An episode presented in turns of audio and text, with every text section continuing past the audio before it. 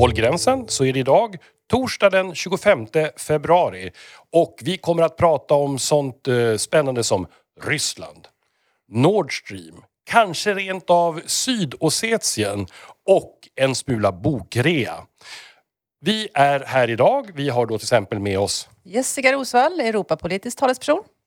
Och Paul Jonsson som är försvarspolitisk talesperson. och jag, Hans Wallmark, som är utrikespolitisk talesperson. Och vi är det stående inslaget, men vi har också dagens gäst. Och det är då Johan Norberg. Varmt välkommen! Tack så mycket. Och då undrar ju våra lyssnare, vem är Johan Norberg? Johan Norberg är säkerhetspolitisk analytiker och Rysslandsforskare på FOI, Totalförsvarets forskningsinstitut. Och FOI är ju känt för oss i politiska kretsar men kanske inte för en bredare allmänhet. Kan du bara kort berätta lite grann vad FOI är? För det är ju en kunskapsinstitution som vi har här i Sverige.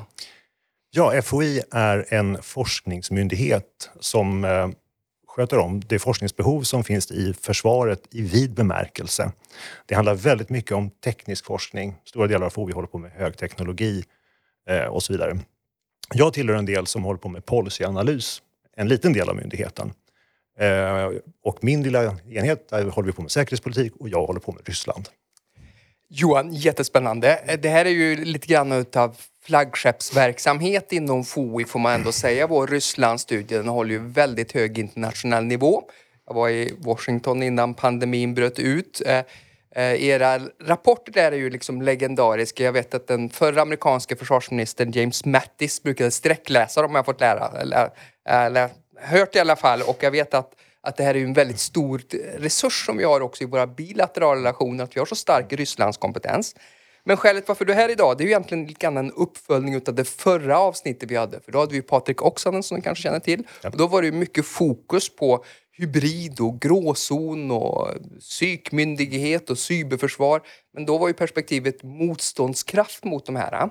Men när jag tänker på hybrid, då tänker jag på små gröna män, jag tänker på general Gremashimov och liksom, det var ju då som vi började använda begreppet hybridkrigföring. Men hur ser ryssarna på det konceptet och hur tycker du att vår läsning av ryssarna är på det här området? Jag personligen tycker att hybridbegreppet är lite krångligt för jag har inte riktigt klart för mig var det börjar och var det slutar. Allt kan ingå beroende på vem som tolkar det. Men i Ryssland så är det ganska nytt att man använder det. Det är inget ryskt begrepp från början. Det är väl någon amerikansk eh, akademiker som har kommit på det från början. Nu ser man det ganska ofta i rysk debatt, men då hela tiden i termer av vad väst gör mot Ryssland. Alla dessa sanktioner och så vidare. och så vidare. Det ser man som en... Det går in i det där. Jag brukar mer säga att jag, ett problem med hybridbegreppet är att när man lägger till ordet krig, hybridkrig, då urholkar man själva krigsbegreppet. Vi vet ju egentligen ganska tydligt vad krig är. Det är när uniformerad personal från ett annat land kommer oinbjuden. Mm. Det är ett sätt att se på det. Och det är en ganska allvarlig grej. Men när det blandas upp i det här allmänna, det blir lite svårt att se vad börjar och slutar allt det här. Hur ska vi göra då? Är det inte försvarets del att hantera? Etc, etc. Men jag tror att tittar man bara på vad Ryssland gör. De använder alla till stående medel. Jag tror att de upplever helt klart att de är i en politisk konfrontation med väst. Och då använder man de sätt och de metoder man har. Mm. Så det här är ett av flera instrument som man har ja. helt enkelt att forma ja. sin omgivning. Eh, sen så finns det väl en koppling till det militära att de här andra åtgärderna som är icke-kinetiska, icke-militära, att man liksom trycker till med militär styrka, de funkar därför att i bakgrunden har Ryssland ett militärt instrument som, är, som vi tycker är trovärdigt. Som ser stort och farligt ut. Därför måste vi ta, liksom beakta det de gör i det här andra, som kan betraktas som lite alltså icke-kinetiska eller mindre saker. Det där är ju jätteintressant, för vi pratade också på förra avsnittet om att vi har en flerdimensionell hotbild i Sverige. Eh, ibland så i det svenska systemet tenderar man att ha olika pendlar, liksom vad som är nytt, vad som är gammalt. Och eh, det jag kan konstatera som säkerhetspolitiker, och här har ju Jessica och Hans tror jag samma bild, det är ju liksom att vi måste ha två tankar i huvudet samtidigt. Risken för ett väpnat angrepp mot Sverige är helt uppenbarligen ökat. Det är bara att konstatera. Men det har ju också ökat ett antal andra sårbarheter som vi har kopplat till cyber, till desinformation och påverkan. Så det här är ju, det här är ju en rätt så komplex bild som vi har att hantera. Men jag tänkte på om vi bara tittar på den ryska militära förmågan som ni ju gör eh, studier kring i ett tioårsperspektiv. Hur skulle du säga att den konventionella militära förmågan i Ryssland har utvecklats över tid? Eh, man kan konstatera att det senaste decenniet, ganska exakt, har varit en väldigt ambitiös eh, tid av militärreform. Man vill stärka förmågan och man har satsat pengar på det ordentligt. Så det har funnits En tydlig politisk vilja och det har funnits ganska gott om pengar. Eh, om man jämför rysk, ryska försvarsutgifter ligger runt 3-4 procent av BNP. Alltså det varierar beroende på hur man räknar lite grann, men de flesta västländer har ju svårt att komma upp till det här berömda 2% målet. Så att man satsar väldigt mycket, man tycker det här är viktigt. Och man har väldigt tydligt också gjort, gjort de reformer som började 2010-11, man gjorde sig av med det som inte funkade. Det gamla sovjetiska massmobiliseringssystemet och satsade på tillgäng, tillgänglighet i förband. Det finns någon form av mobiliseringsorganisation, men den är lite svår att beskriva och se just nu. Men det är väldigt tydligt man sa att vi måste ha någonting som funkar här och nu. Mm. Jag tänkte vi nej, är ju dagen efter ut, utrikespolitiska eh, debatten som vi kommer återkomma till flera gånger. Ehm, och, och, och du är expert på Ryssland och det har jag som sagt vi om förra gången också. Vi har varit mycket i Ryssland för mig också den senaste tiden såklart. Eh, men eh, om vi skulle kunna prata lite grann om historien. Jag tänker på de utbrytarrepublikerna som finns. Eh, och his, om man kunde göra en liten historisk bak, tillbakablick. Om jag tar utrikespolitiska debatten igår så lyftes såklart Nagorno-Karabach upp och Transnistrien, eh, Abchazien och så vidare eh, upp som ett hot mot den europeiska säkerhetsordningen såklart. Eh, men om man går tillbaka, längre tid tillbaka, från 75 med Helsingborgs, eh, eller Helsingborg. Alltså det- det, måste vackert. vara Hans Wallmark inflytande Skåne. Helsingfors! Slutakten. Och, som är, är ändå gammal. Och, men kan, skulle du vilja berätta för oss dels vad, lite grann vad det är och också vad det har haft för Rysslands eh, agerande haft för hur, hur allvarligt skadat det är och om det också går att säga någonting om framtiden. Tror du att det går att återupprätta Pratar, eh, du, pratar vi säkerhetsordningen nu? säkerhetsordningen? Okej, men vi tar den historiska bakgrunden. Gärna, är så att vi förklarar saker. lite grann. Eh, Sovjetunionen föll 91 och det bildades helt plötsligt 15 länder från de 15 delrepublikerna i Sovjetunionen. Varav flera ganska små, Rysslands södra flank, så det är tre stycken i Kaukasus, fem i Centralasien och så vidare. Eh, på flera av de här ställena uppstod väpnade konflikter mellan olika etniska grupper, intressesfärer, maktsfärer och så vidare.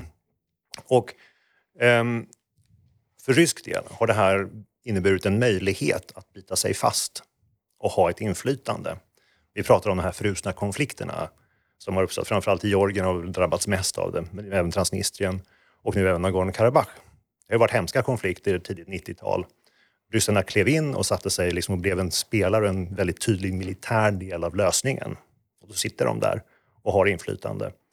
Och nu senast fick de även in trupp i Nagorno-Karabach, vilket de inte haft tidigare. Det här... Um, vi ser ju alltså att konflikter är något dåligt som måste lösas och bli klara, så det blir fred, för det är bra. Den ryska synen är lite mer, ja men det är bra om det här småkokar lite hela tiden, för då är vi där och styr. Det blir väldigt svårt för Georgien att liksom resa sig med full kraft så länge Abchazien och Sydossetien, som är de jure del av Georgien, de facto inte är det. Så de här sakerna finns och det är liksom, jag tror att ryssarna ser det ganska instrumentellt, att det här kan vi använda för att få inflytande.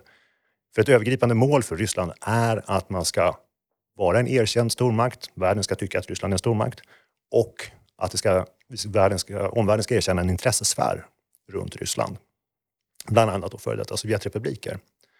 Så att det här är det som Ryssland driver. Sen så den här europeiska säkerhetsordningen, det är ju en interaktion mellan Ryssland och väst, eller de övriga. Det beror ju på hur andra svarar också. Så att visst, Ryssland kommer trycka på för sina intressen, men sen beror det på också vad reaktionerna blir. Och vad vi tycker är värt att svara med om vi tycker att det här är väldigt, väldigt viktigt att upprätthålla. Mm. Men eh, har det skadat det så pass eh, allvarligt så att det eh, går att reparera så att säga? Men du, tänker du på rustningskontrollavtal, tänker du på OSSE, tänker du på hur det, det, O- nej, ja, OSSE och säkerhetsordningen så att säga. Alltså, Ja, men det- äh, men- Utrikesministern sa så här igår ungefär, nu får vi Hans rätta mig för jag har det, att eh, Rysslands agerande i de här olika eh, utbrukarrepublikerna har skadat, är, är det största hotet mot den europeiska säkerhetsordningen, tror jag hon sa. Och det gör hon ju i egenskap av OSSE-ordförande. Ja, och då undrar jag om- det... Nej, men så här, det, det, jag, jag kan inte recensera utrikesministern, men jag Nej. kan konstatera att det här Det är inte många som kan. Nej, men, men jag tror att poängen med det här från ett ryskt perspektiv är att det här är möjligheter som man vill använda och naturligtvis är det här en påfrestning. Det, det, det, sen hur stor den är, eh, det bestämmer ju delvis vi själva. Om vi tycker att det här är ett avgörande problem och allting håller på att falla ihop, ja då kanske det gör det. Va? Men om man också säger att den här ordningen är viktig, det här måste vi upprätthålla, gör inte det där. Och skicka de signalerna till Ryssland. Ja, då, så det, Ja. det beror på lite vilket säkerhetspolitiskt kroppsspråk man har. Aha. Står man så här lite ihophukad och liksom... Ja. det är ingenting som ryssarna respekterar. Jättebra. Det är synd att det där inte syns på podd, men jag kan förklara ungefär. Men det finns en annan... Potatis. Ja. Eh, vi tycker ju det här nästan att är man väldigt stark så man var väldigt snäll. Ja. Eh, det, är, det kanske snarare är tvärtom, att om man ska vara snäll måste man också vara väldigt stark. Mm. Ehm, och det här är ju egentligen en variant också på Hjalmar Söderbergs temat. Om man inte kan bli älskad, då vill man i alla fall bli fruktad. Ehm, och det är ju det, det är ju därför Ryssland också projicerar makt på det här sättet. Och då, jag delar fullt ut bedömningen att enda sättet, det är ju inte att backa undan utan det är ju att mötas eh, mage mot mage eller bröst mot bröst. Eh, när det gäller Ryssland, om vi fortsätter längs det, det som nu ändå har synts de senaste veckorna är ju massiva demonstrationer på ett sätt, precis som också Belarus för ungefär ett halvår sedan, ett lite oförutsägbart sätt. Eh, delvis då eh, startad utav behandlingen utav Alexej Navalny, kalsongförgiftningen, han kommer hem, skenrättegången och vi ser nu de här massiva demonstrationerna från öster i Vladivostok till väster i Sankt Petersburg. Vad är din syn på den inrikespolitiska utvecklingen i Ryssland just nu? Vad är det vi ser? Tyvärr fortsätter en trend som har pågått sedan länge, nämligen en ökad repression inåt. Den har väl liksom skruvats åt sakta men säkert under många, många år. Men i och med det här, den dynamiken som fanns i januari, början på februari, så blev det väldigt tydligt att repressionen var också väldigt fysisk. Man slet folk från gatorna och burade in dem en masse och så vidare. Och det finns ju fortfarande en massa människor som sitter och väntar på att bli dömda och, eller komma till rättegång och så. Nu har ju det lugnat ner sig lite. Eh, oppositionen fick nog ganska liksom, ordentligt tilltryckt. Det är många av de nyckelpersonerna som är i fängelse och så vidare. Eh, vintern har väl inte hjälpt att ordna gatuprotester, så man ligger ju lite lågt nu vad jag förstår. Och då, även där finns ju covid-19 så att det Ja. är också en eh, aspekt. Men jag tror att det är en, så den här, nu har ju liksom regimen tryckt till och den framstår ju, projicerar gärna styrka. Ehm, men det är en ganska bräcklig styrka för att det bygger, väldigt, det, alltså, det bygger mycket på en person och på personliga relationer mellan nyckelspelare. I väst är vi vana att det är starka institutioner. Eh, parlament och så vidare är ganska oviktiga på ett sätt. Och då en sak som jag funderar på ganska länge, och som jag inte tycker belyser så mycket i debatten än. Men det är ju, det kommer ju förr eller senare en dag då det blir maktväxling hos den här personen. Man, mycket utstrålas från Putin själv där han sitter eh, inspärrad eh, i Kreml. Men det kommer en dag när Putin inte längre kommer att vara. Det kan vara rent mänskligt. Eh, Karn är ju ändå runt 70 eh, och det finns en del andra...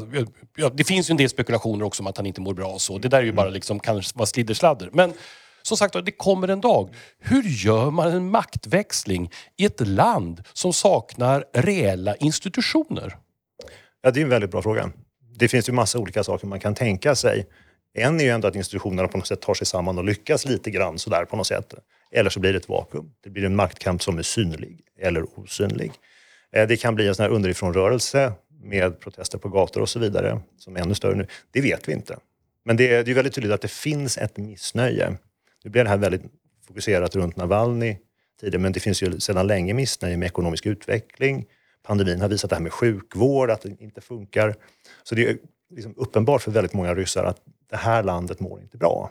Och då, man vill börja göra någonting åt det. Och när det kanske sen, om den typen av missnöjen liksom växer ihop med de här missnöjesyttringarna av rent politisk karaktär, då kanske det blir större än vad det har varit tidigare. Så man, vi vet ju inte hur det här maktskiftet kommer att gå till. Jag fastnade lite på den där potatissäcken. Illustrationen. Illustration.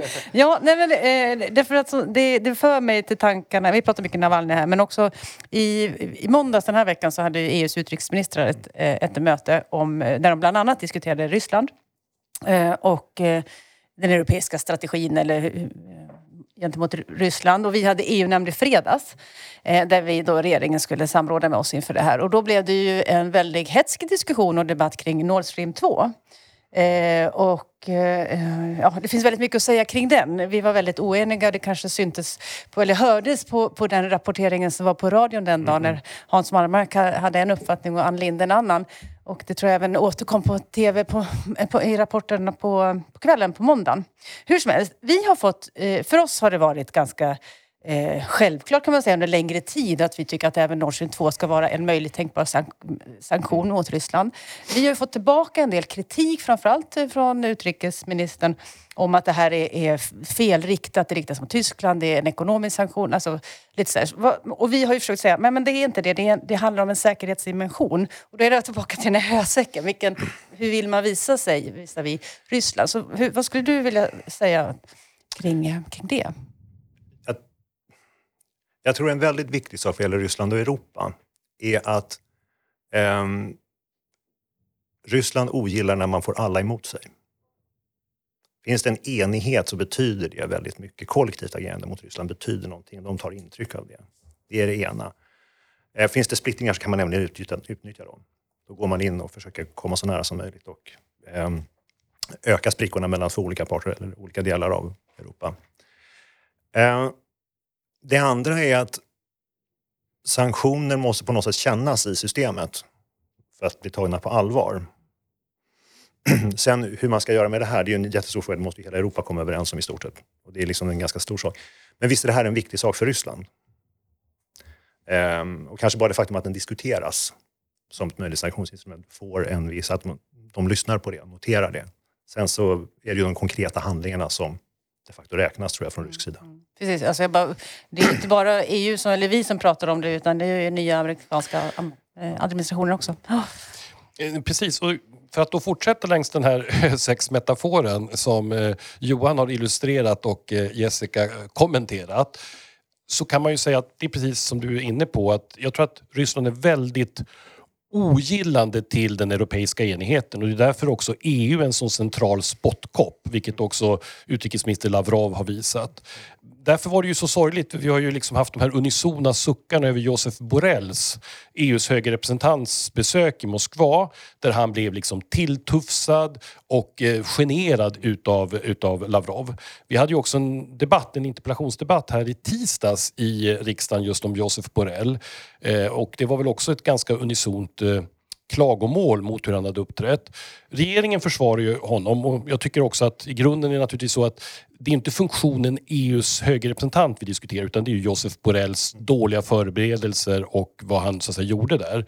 Jag ställer också frågan till utrikesministern om hon vill beskriva det han gjorde som ett misslyckande. Det, hon överhuvudtaget gav ingen, ingen egen bild utav eh, hennes åsikt om Josef Borrell. Jag tyckte också att det var otroligt illa att vara i Moskva samtidigt som det var skenrättegången mot Navalny, eh, det hårda läget mot demonstranterna och framförallt, han visste att tre EU-stater skulle få sina diplomater utvisade. Och så åker han dit och så eh, gräver Lavrov en stor fet grop och han går rakt in i det. Du deltog ju också i interpellationsdebatten Jessica.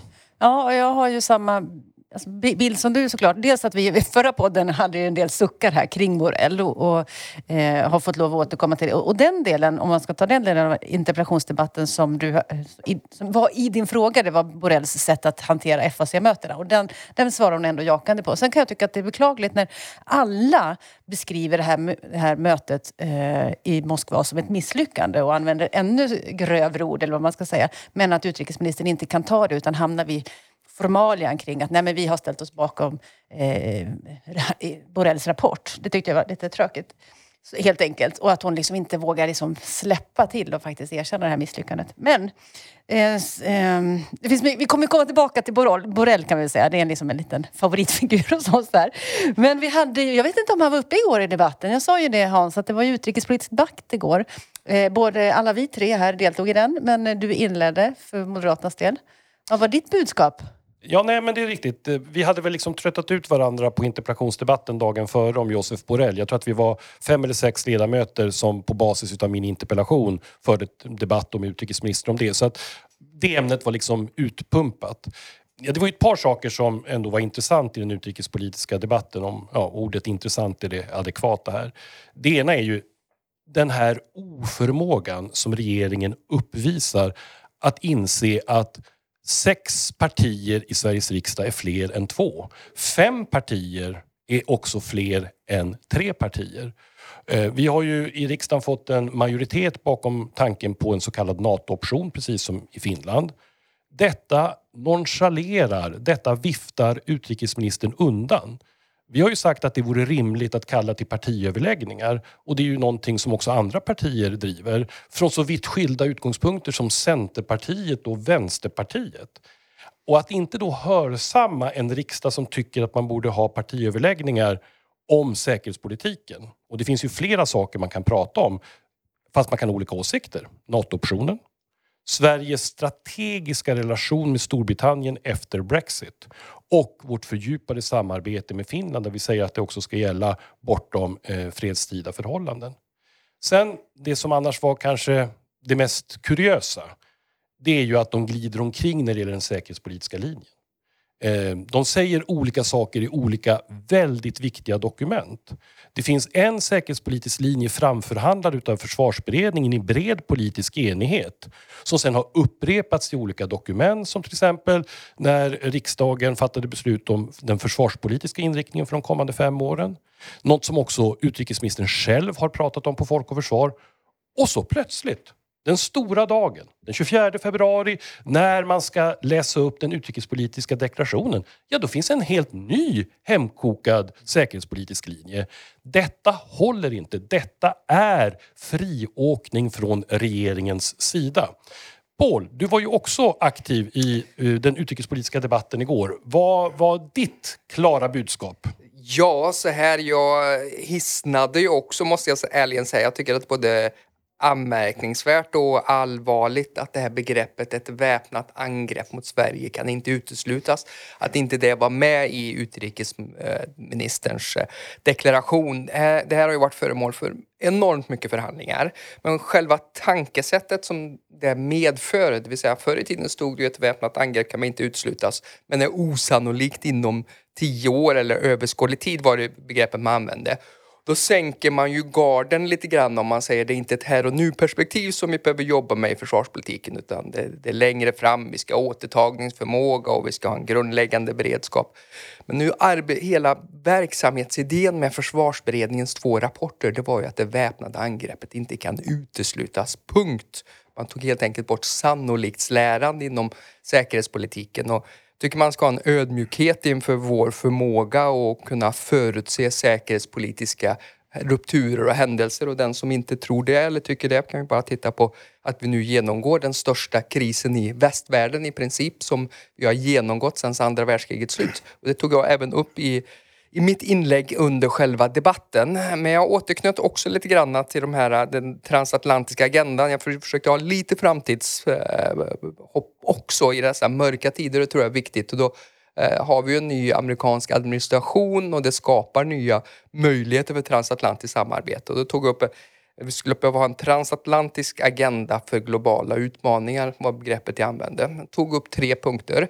Dels så tycker jag att vi behöver ha ett strukturerat samarbete kopplat till de geopolitiska utmaningarna från eh, Ryssland och Kina. Det är en realitet och då håller det inte som Borrell gör att åka till Moskva åtminstone vissa av de som skickade Borrell till Moskva vill ju se någon form av reset. Eh, kanske innan amerikanerna blir varma i, i kläderna på andra sidan Atlanten. Jag tycker Timingen på investeringsavtalet med Kina är också en sån här, vi ska liksom inte, för vi ska ju jobba med amerikanerna nu, inte europeisk unilateralism mot de här stormakterna. Det var en sak som jag anförde. Det andra som jag sa att vi behöver ett strukturerat samarbete kopplat till nya teknologier. Här händer det vansinnigt mycket kopplat till AI, det är 5G, det är big data det finns ett initiativ att man ska skapa ett tekniskt råd, heter det, mellan EU och USA. Det skulle kunna vara ett sätt att föra saker och ting framåt som, som gör det bättre.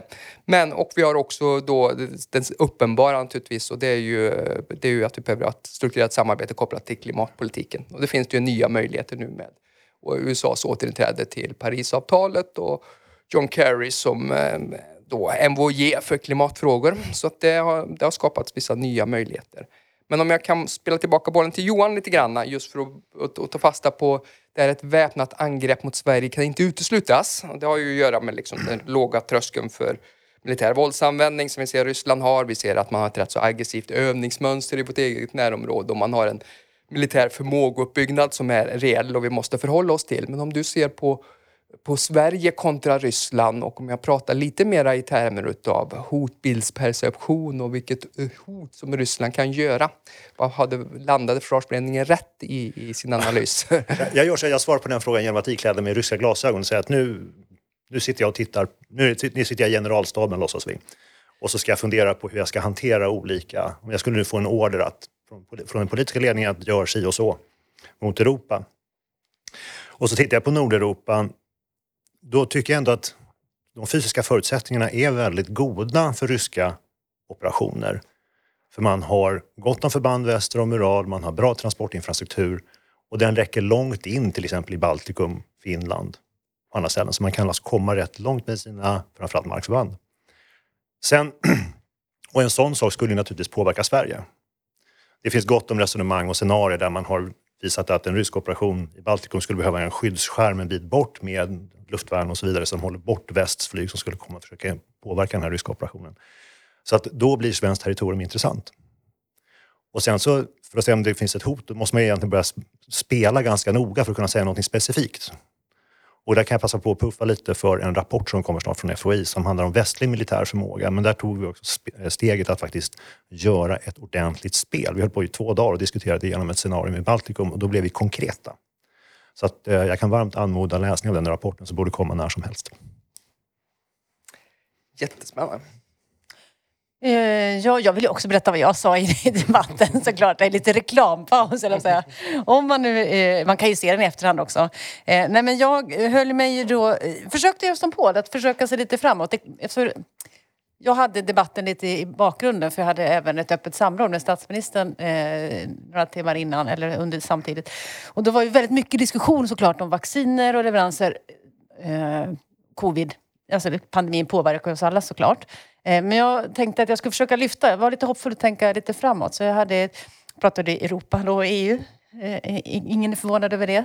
Eh, och då hade, alltså, det som jag tänker med Europapolitiken ibland är att vi det finns de som vill ha ett mycket större och vassare EU och ett smalare. Och, alltså det finns de olika. Och jag försökte säga men EU behöver vara relevant. Det är liksom där som är liksom vikten. Och vad är då relevant? Och så försöka peka på... Jag hade faktiskt fyra punkter. Paul hade tre, jag hade fyra. Eh, ekonomi, eh, ja, ekonomisk tillväxt, eh, klimatomställningen eh, säkerhet och försvarsfrågan som vi pratar mycket om. Och det var också temat på Eh, det öppna samrådet och sen eh, rättsstats, eh, rättsstaten som jag har varit, som är otroligt viktig. Eh, den har vi pratat om i tidigare poddar. Så det var eh, mitt inspel. Jag hann dit precis. Vi hade det öppna samrådet eh, och så fick jag så smsade på och sa jag blir nog sen, men jag hann faktiskt. Ja. Och det var ju bra därför att vi var ju dessutom väldigt många moderater som deltog i debatten. Utöver Jessica och Paul och jag själv så var ju Hans Rotenberg i debatten, pratade en del om Ryssland. Han är ju vår handelsspecialist. Vi hade Margareta Cederfelt som pratade om OSSE. Hon är ju djupt engagerad i den parlamentariska församlingen. Och vi hade Cecilia Widegren som pratade om det internationella parlamentariska samarbetet inom IPU. Så att vi satte ju på olika sätt väldigt tydliga avtryck. Och Norden. I, och Norden. Vi hade precis, vi hade, vi hade Cecilie Tenfjord Toftby som pratade om Norden, vilket också verkligen är en viktig aspekt därför att Utgångspunkten för all utrikespolitik måste ju vara här och nu där vi är. Det börjar i Norden, Östersjöområdet och växer ut. Det börjar inte där borta till exempel i FN-skrapan i New York utan det börjar faktiskt här, där vi är.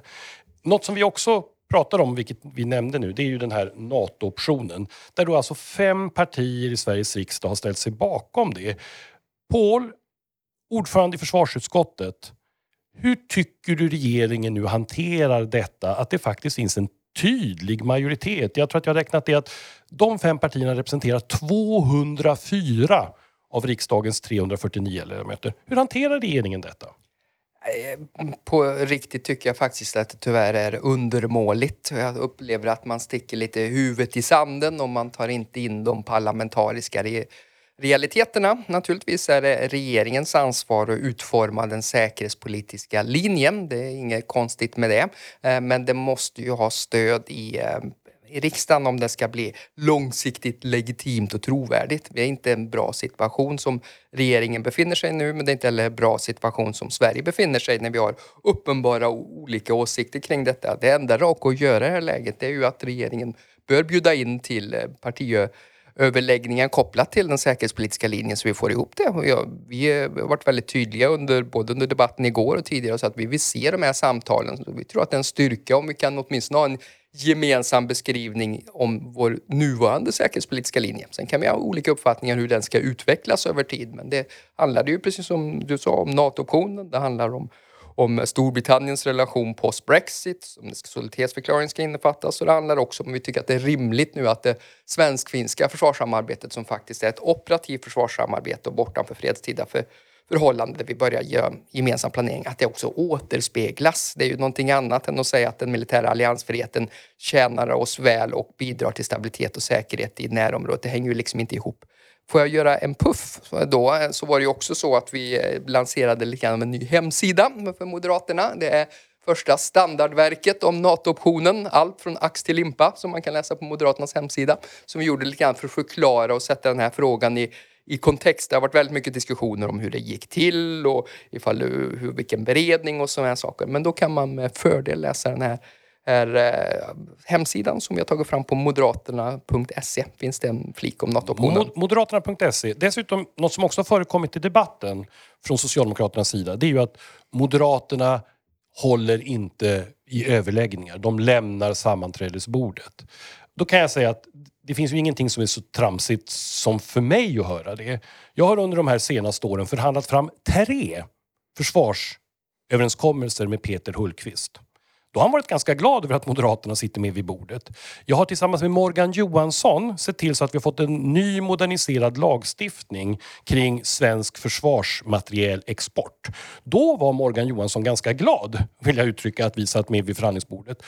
Paul och jag har suttit månad efter månad i det som har varit en närmast studiecirkelverksamhet på försvarsdepartementet med försvarsministern där vi verkligen har gjort allt för att hitta förutsättningar för en bred ny försvarsuppgörelse för det kommande femåriga försvarsbeslutet. Men där Peter Hultqvist inte har orkat leverera de nödvändiga ekonomiska nivåerna. Och vid en viss tidpunkt då bestämmer sig försvarsministern för att det här går inte, jag lägger det på is. Så att när Socialdemokraterna försöker påstå att vi moderater inte skulle vara eh, möjliga att göra uppgörelser med, då säger jag bara titta på historien. Trams säger du ju. Jag säger faktiskt trams. ja. Nej, jag, jag, delar den uppfattningen. Det var ju alltså försvarsministern som avbröt förhandlingarna uh, den 9 uh, eh, juni utan att ha ett parlamentariskt 2020. Ja, 2020. Utan att ha ett parlamentariskt stöd för det förslag som man lämnade in sen in till Försvarsmakten. Uh, vi ställde oss ju sen och tog ansvar sen tyckte jag under själva eh, överenskommelsen också. Vi sa att vi kommer att ha en högre ekonomisk nivå och den kommer vi att gå fram med rejält. Däremot så ställer vi oss bakom inriktningen på det civila försvaret. Vi ställer oss bakom inriktningen på krigsorganisationen och eh, även grundorganisationen. Så det är ju ingenting som vi kommer att riva upp. Däremot har vi högre ambitioner. Men vi har ju verkligen ansträngt oss för att agera ansvarsfullt för att inte vi ska få en ryckighet i försvarspolitiken och framförallt för att Försvarsmakten ska kunna få rimliga arbetsförhållanden. Så att jag tycker också det är rent kontrafaktiskt att det inte skulle kunna gå att göra upp med Moderaterna inom säkerhetsförsvarspolitiken. Och kontrafaktiskt då betyder på lätt svenska trams. Eh, vi tänkte nu avrunda dagens podderi. Det gör vi ju alltid med en sån här eh, viktig fråga. Eh, och det är ju ingen hemlighet att jag är en hängiven bokälskare. Därför faller det sig helt naturligt att när den stora bokrean börjar den 23 februari, då ska vi naturligtvis prata böcker. Och det kan man ju beställa både eh, så att säga, via nätet och så får man det hemkört eller så kan man ju iförd ansiktsmask eller annan lämplig utrustning och med distans och så bläddra i bokhögarna. Och då tänkte jag då ställa den avslutande frågan. Är det något från årets bokrea som ni skulle vilja lyfta fram? Johan, har du hunnit eh, botanisera bland böckerna? Nej, och jag läser en bok som jag tror inte finns på bokrean. Eh, military coercion, the cost of military power, the cost of coercion and the price of peace av eh, Branislav Slanchev. Okej, okay. eh, nej men den kanske kommer på nästa års bokrea. Vi får hoppas det.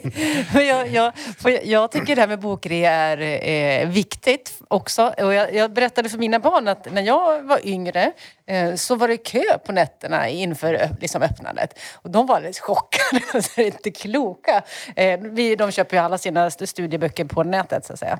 På Adlibris som ligger i, i min hemlän. Nej men jag har googlat på min bokhandel hemma, Gästbloms bokhandel i Enköping. Jag brukar köpa eh, biografi på Bokrean. Eh, Och då, I år finns Erik Åsbrinks biografi om Gunnar Sträng för 99 kronor. Den tänkte jag köpa. Eh, både boken och objektet är ganska tjock. Paul, Så är det.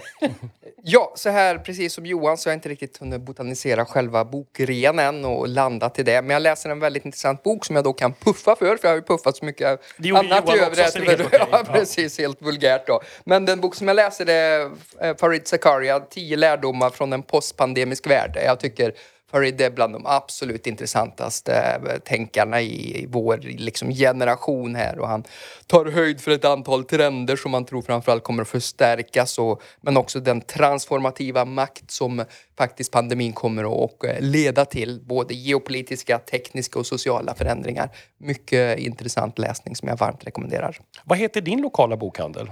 Ja du, jag har en Jak- August Jakobsson bokhandel i Arvika som Mycket är... bra. Mm. Ja, man ska stödja sina lokala boklådor, det är viktigt. Så här ger vi gratis reklam. Det är alla, alla Sveriges boklådor värda. Det här med Farid Zakaria, där brukar ju Paul och jag falla varandra i armarna. Och vi kan väl än en gång, utöver att eh, Paul slår ett slag för hans senaste bok, också slå ett slag för hans utmärkta podd, eh, CNN, och den heter då GPS. Så att eh, om man googlar på Farid Zakaria podd GPS, då hittar man den varje vecka. Otroligt spänstiga, viktiga samtal. Då tänkte jag avsluta eh, och jag har faktiskt med mig fysiskt två böcker. Eh, den ena därför att jag såg att den väldigt smarta unge Sebolan Kalander som är på Folk och Försvar hade varit ute och handlat. Och så hade han lagt ut på sociala medier bilder på vilka böcker han hade köpt. Och flera av dem eh, tycker jag själv är väldigt intressanta. Han hade bland annat Roy Jenkins Churchills biografi som kanske är en av de främsta. Eh, men då hade han en som hette eh, March eh, 1917, eller ja, March 1917, eh, av Will Englund som handlar om USA på väg in i första världskriget i, då i våren 1917 och Ryssland på väg mot sitt sönderfall och samverkan mellan detta. Så på framsidan så är det då en bild av president Woodrow Wilson och tsar Nikolaj den andre. Eh, så interaktionen mellan det ryska sönderfallet och att USA kliver ut i första världskriget. Det var ju inte bara första gången USA var med och räddade Europa från européerna utan det gjorde de ju sen även i andra världskriget. Alla ni som är emot NATO kan ju ta en tankeställare kring det. Den andra boken som jag skulle vilja slå ett slag för som man kan köpa då på Killbergs bokhandel i Ängelholm, eller den heter numera Akademibokhandeln men det är då Killbergs för alla ängelholmare. Det är då eh, Lydia Sandgrens samlade verk som också fick Augustpriset. Eh, jag har nu originalversionen, det vill säga den som är köpt utan bokrea för ett halvår sedan. Då kostar den 229 spänn. Nu får man det för halva priset. Jag ska dock säga, jag har inte hunnit läsa den än därför att den är ganska tjock. Den är till och med tjockare än Strängbiografin som Jessica tänkte kasta sig över. Men jag har läst så många recensioner och hört så många personer tala så väl om denna bok så att den finns väldigt högt upp på min hög över böcker som behöver läsas. Så att det är ett konkret boktips som ni kan hitta i er lokala boklåda. Lydia Sandgren, Samlade verk. Med det så rundar vi av dagens podd Håll gränsen. Vi tackar Johan väldigt mycket. Önskar dig lycka till på FOI. Vi ser med spänning fram mot de rapporter som ska levereras. Stort tack Jessica. Stort tack Paul. Stort tack Jonathan som är den och Patrik som ser till så att det verkligen blir en podd ut i etern. Och jag som tackar heter då Hans. Och tack för idag och vi kommer tillbaka om ungefär två veckor.